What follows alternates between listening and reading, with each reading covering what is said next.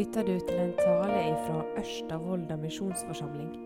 Om du vil vite mer om denne forsamlinga, kan du gå inn på øvm.no. Kjære Jesus. Takk for det vi allerede har fått del i nå i formiddag. Vil du signe ordet fortsatt? Vil du gripe oss med det du har på ditt hjerte? Amen. Og Da skal vi ta med oss den teksten som er satt opp for i, for i formiddag, fra Matteus 21 og ifra vers 1. Da de nærmet seg Jerusalem og kom til Betfage ved Oljeberget, sendte Jesus to disipler av sted og sa til dem.: Gå inn i landsbyen like foran dere. Der skal dere straks finne en eselhoppe som står bundet, og en fole sammen med den. Løs dem og lei dem hit til meg. Hvis noen sier noe til dere, skal dere svare, Herren har bruk for, den, for dem. Da skal han straks sende dem. Men dette skjedde for at det skulle bli oppfylt som var sagt ved profeten. Si til Sions datter, se, din konge kommer til deg, saktmodig, ridende på et esel, på trelldyrets fole. Disiplene gikk da av sted og gjorde som Jesus hadde pålagt dem. De hentet eselet og folen og la kappene sine på dem, og han satte seg på dem. Mange i den store folkemengden bredte kappene sine ut på veien. Andre hogg grener av trærne og strødde på veien. Folkemengden som gikk foran, og de som fulgte etter, ropte og sa:" Hosianna, Davids sønn. Velsignet være Han som kommer i Herrens navn. Hosianna i det høyeste. Og da han dro inn i Jerusalem, kom hele byen i bevegelse, og de spurte, 'Hvem er dette?' Og folket svarte, 'Dette er profeten, Jesus fra Nasaret i Galilea.'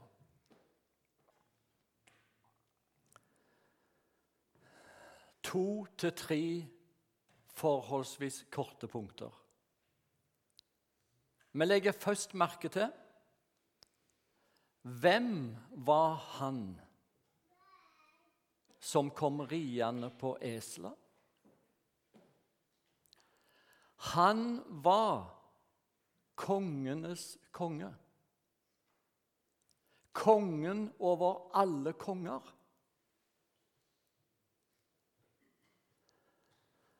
Aschenfeldt Hansen, som har skrevet bibelverket 'Gullgruben', sier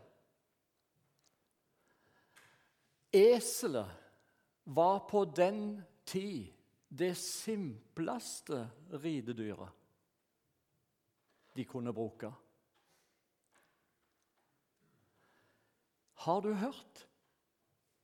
Kongen over alle konger kommer på trelldyret. Det simpleste. Det forteller meg blant annet Kongenes konge gjorde seg sjøl liten. Og det var typisk for han hele livet. Det står om Jesus at han en gang var lik Gud. Større kan en ikke bli. Men i Filipperne 2 han gav av seg selv avkall på å være Gud lik.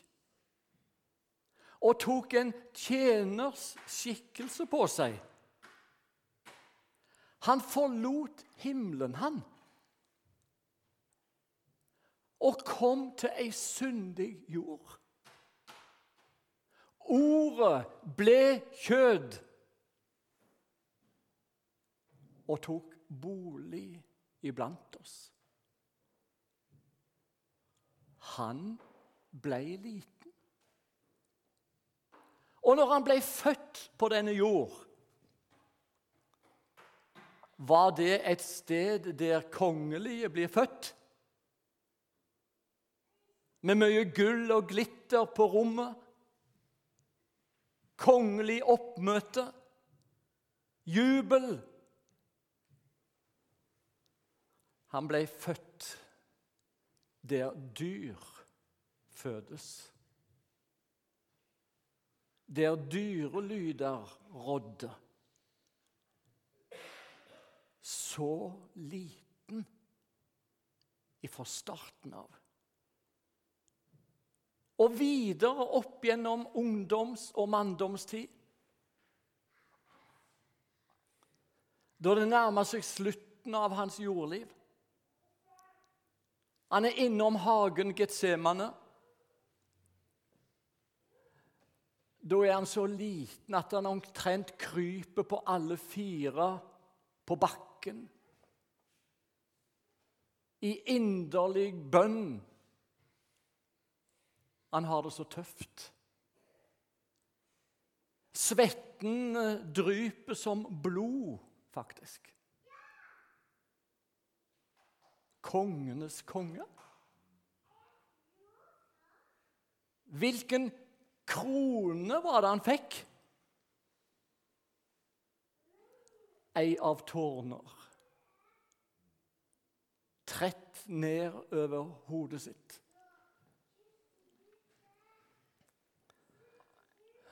Og da han endelig kom til høyden Golgata ble hengt opp på et kors mellom to røvere og mordere. Kongenes konge. Hadde vi stått like ved sida og fulgt med det som skjedde med hans legeme, så hadde vi sett noen pinsler som vi vel måtte snudd oss vekk.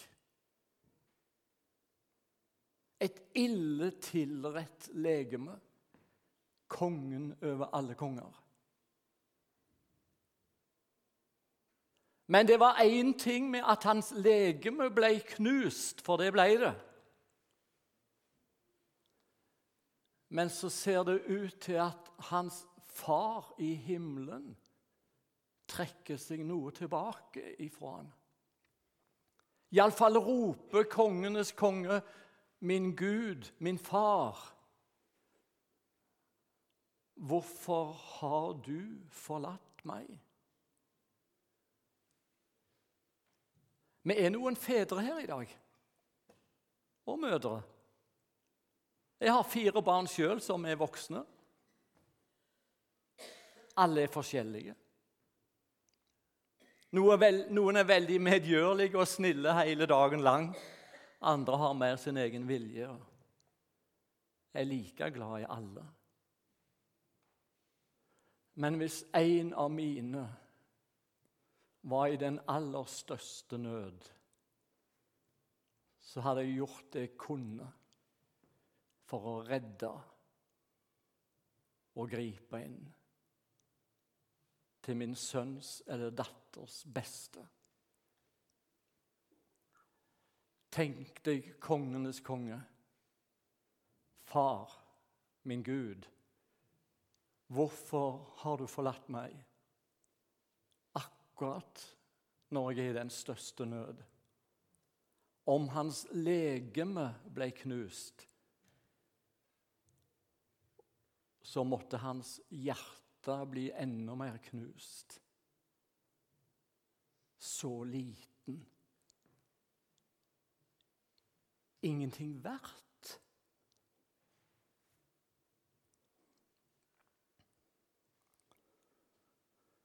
Så har jeg av og til tenkt når jeg leser Bibelen min Hvis jeg hadde vært en av Jesu nære disipler og spurt han en dag du Jesus, hva er det aller verste og det mest motbydelige du vet om i tilværelsen? Jeg vet jo ikke, men kan hende han hadde svart det må være det vi kaller synd. Synd. Så leser vi i 2. Korinterbrev 5 og det siste verset. Han som ikke visste av synd, har Gud gjort til synd for oss, for at vi i ham skulle bli rettferdige for Gud. Da han hang på det midterste korset, var det djupest sett en masse av synd. Han var uten synd. Men alt ditt og mitt gjort til synd kan hende det mest motbydelige han visste om så liten. Kongenes konge. Punkt to.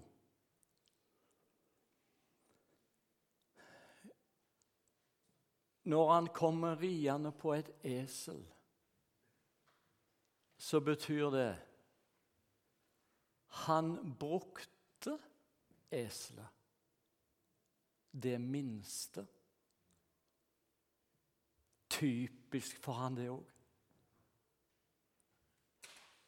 Hvem er det Jesus kan bruke? De minste. Johannes døperen står det om at han er den største som er født av kvinner. Nummer én født på naturlig vis. Men når Johannes døperen, som var den største, ser Jesus nærme seg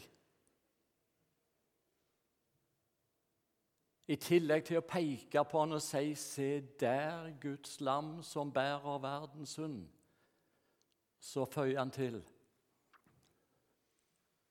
Jeg er ikke engang verdig til å løse skoreimet hans. Og videre Han skal vokse. Jeg skal avta. Jeg håper vi er en flokk her i formiddag av Jesu disipler. Og kan hende allerede ifra vi våkner om morgenen, håper jeg, så har vi ei hjertebønn i oss. Nemlig Kjære Jesus. Du ser denne dagen. Du ser meg. Vil du bruke meg i dag?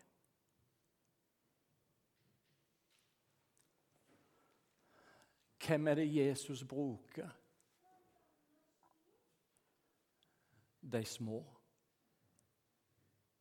Gud står de stolte imot. De ydmyke gir han nåde. Det gjelder angående frelse, men det gjelder i tjenesten i å bli brukt. I første Korinterbrev leser vi det som ingenting var. Det utvalgte Gud seg for å gjøre til intet det som var noe, også i tjenesten.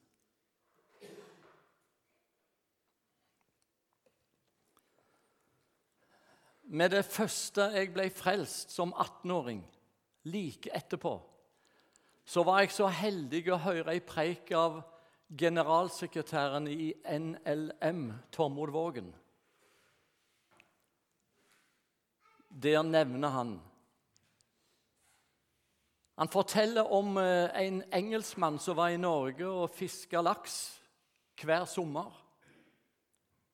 Han hadde alltid siste skrik av utstyr med seg.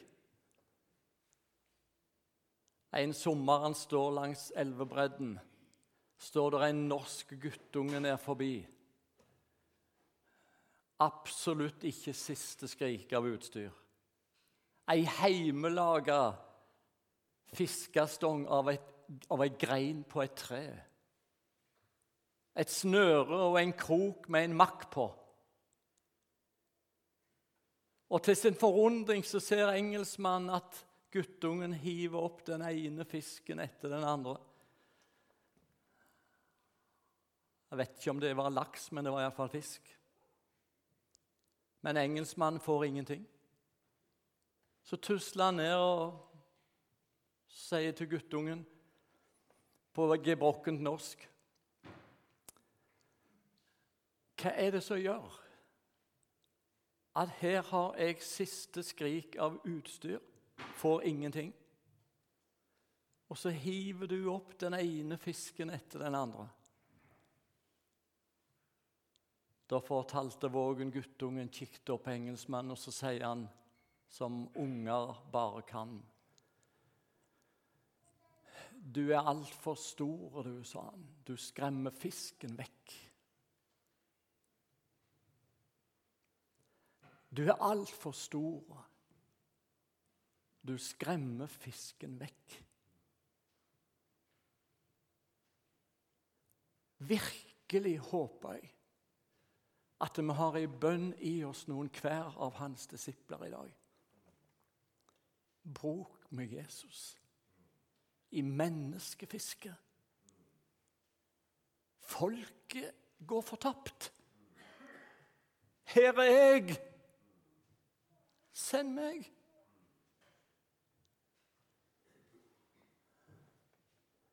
Da håper jeg virkelig at vi er så små at det er hans vilje som får råd.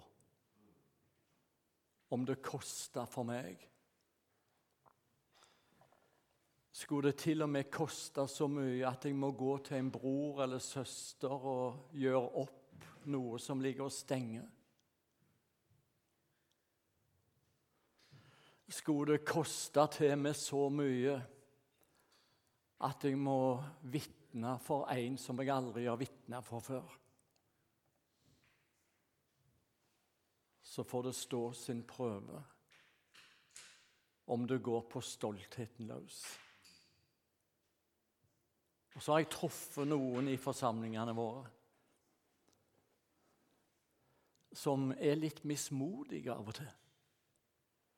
For de føler ikke at de har noen viktige plass i Guds rike. Ikke spiller de piano, ikke synger de, ikke preiker de, ikke kan de lede et møte. Tør ikke å be høyt heller. Har de noen plass? De er så små i egne øyne. Men du, hva er den viktigste tjenesten i menneskefisket? Timotius-brevet gir svaret. Jeg formaner framfor alle ting at det gjøres forbønner. Den som kryper ofte i lønnkammeret, får aldri navnet sitt på en plakat Aldri navnet sitt i en møteannonse i noen avis. Noen av de minste i menneskeøyne. Men er med på det største. Vær frimodig.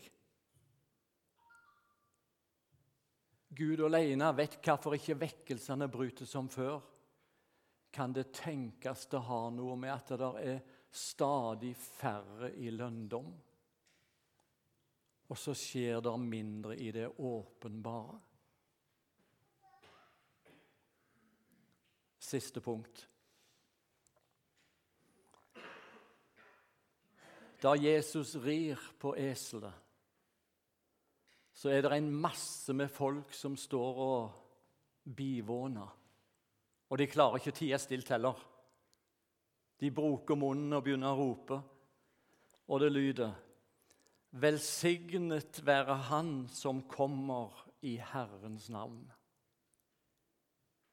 Der kom han. Mange trodde at han var Messias, og de trodde rett, men ikke alle. Dette ropet Velsignet være Han som kommer. Det kan jeg av hjertet si nå, i dag. Fordi han kom på eselfolen, men han kommer stadig vekk til meg i mitt liv. Det er derfor jeg får tro meg som en kristen ennå. Jeg har ikke fiksa ting. Men han har kommet til meg igjen og igjen.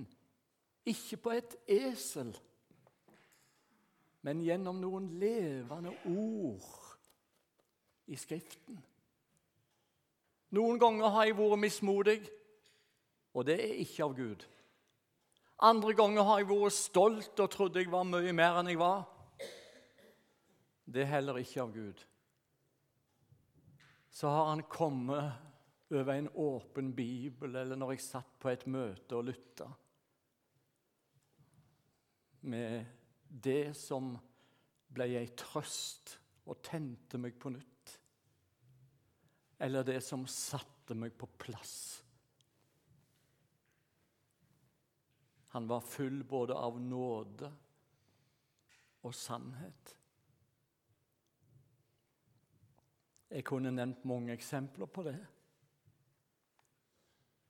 Der han møtte meg på nytt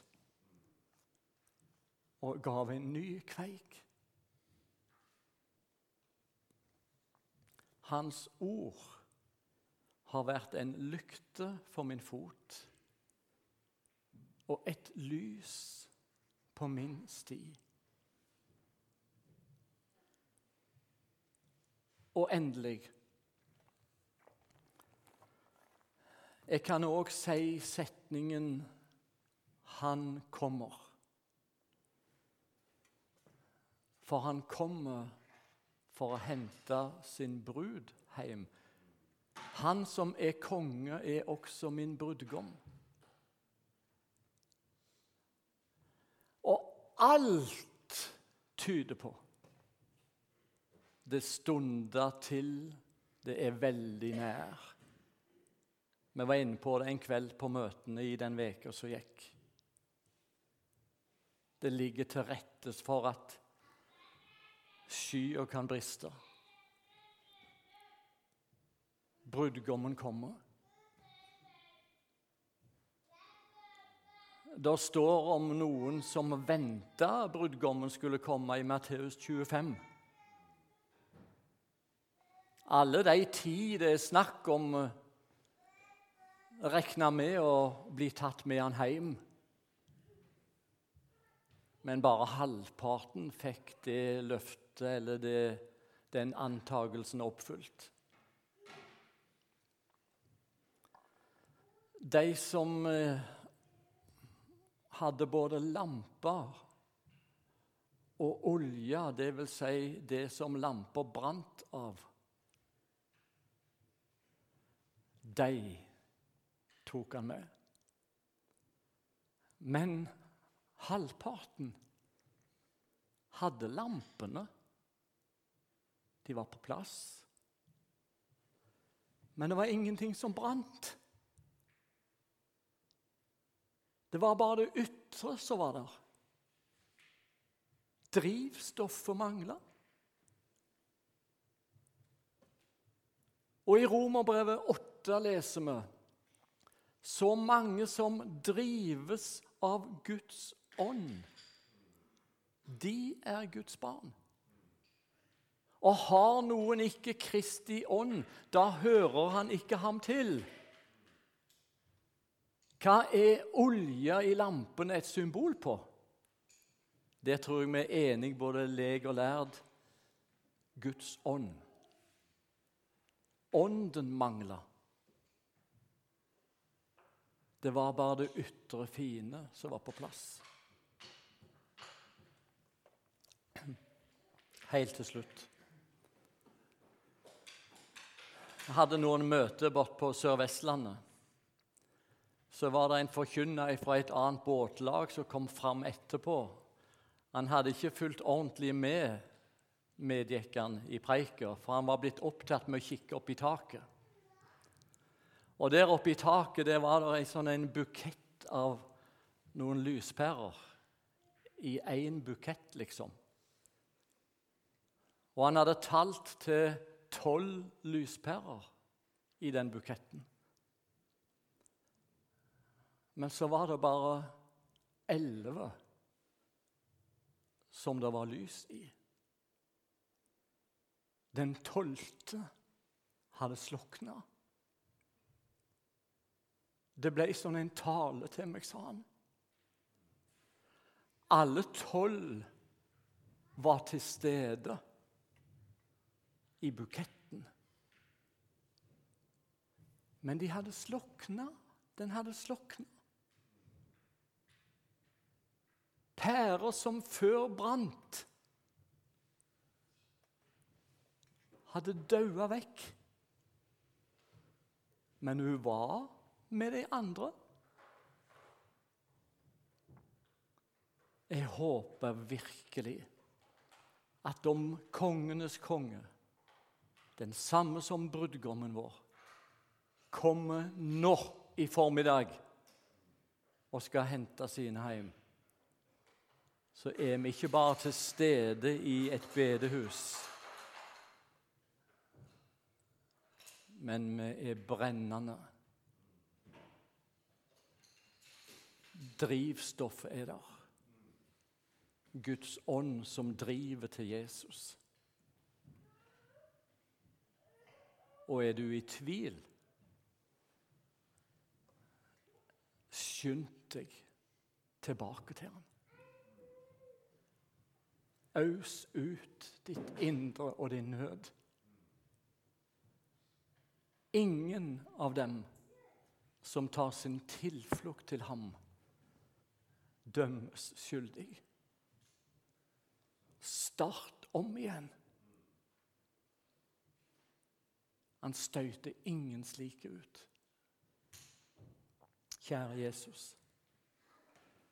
Takk at du kom den første gangen.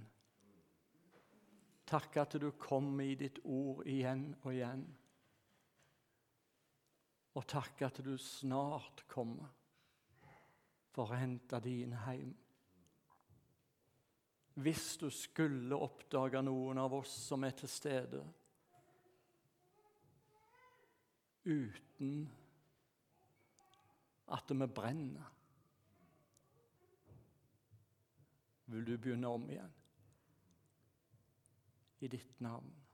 Amen.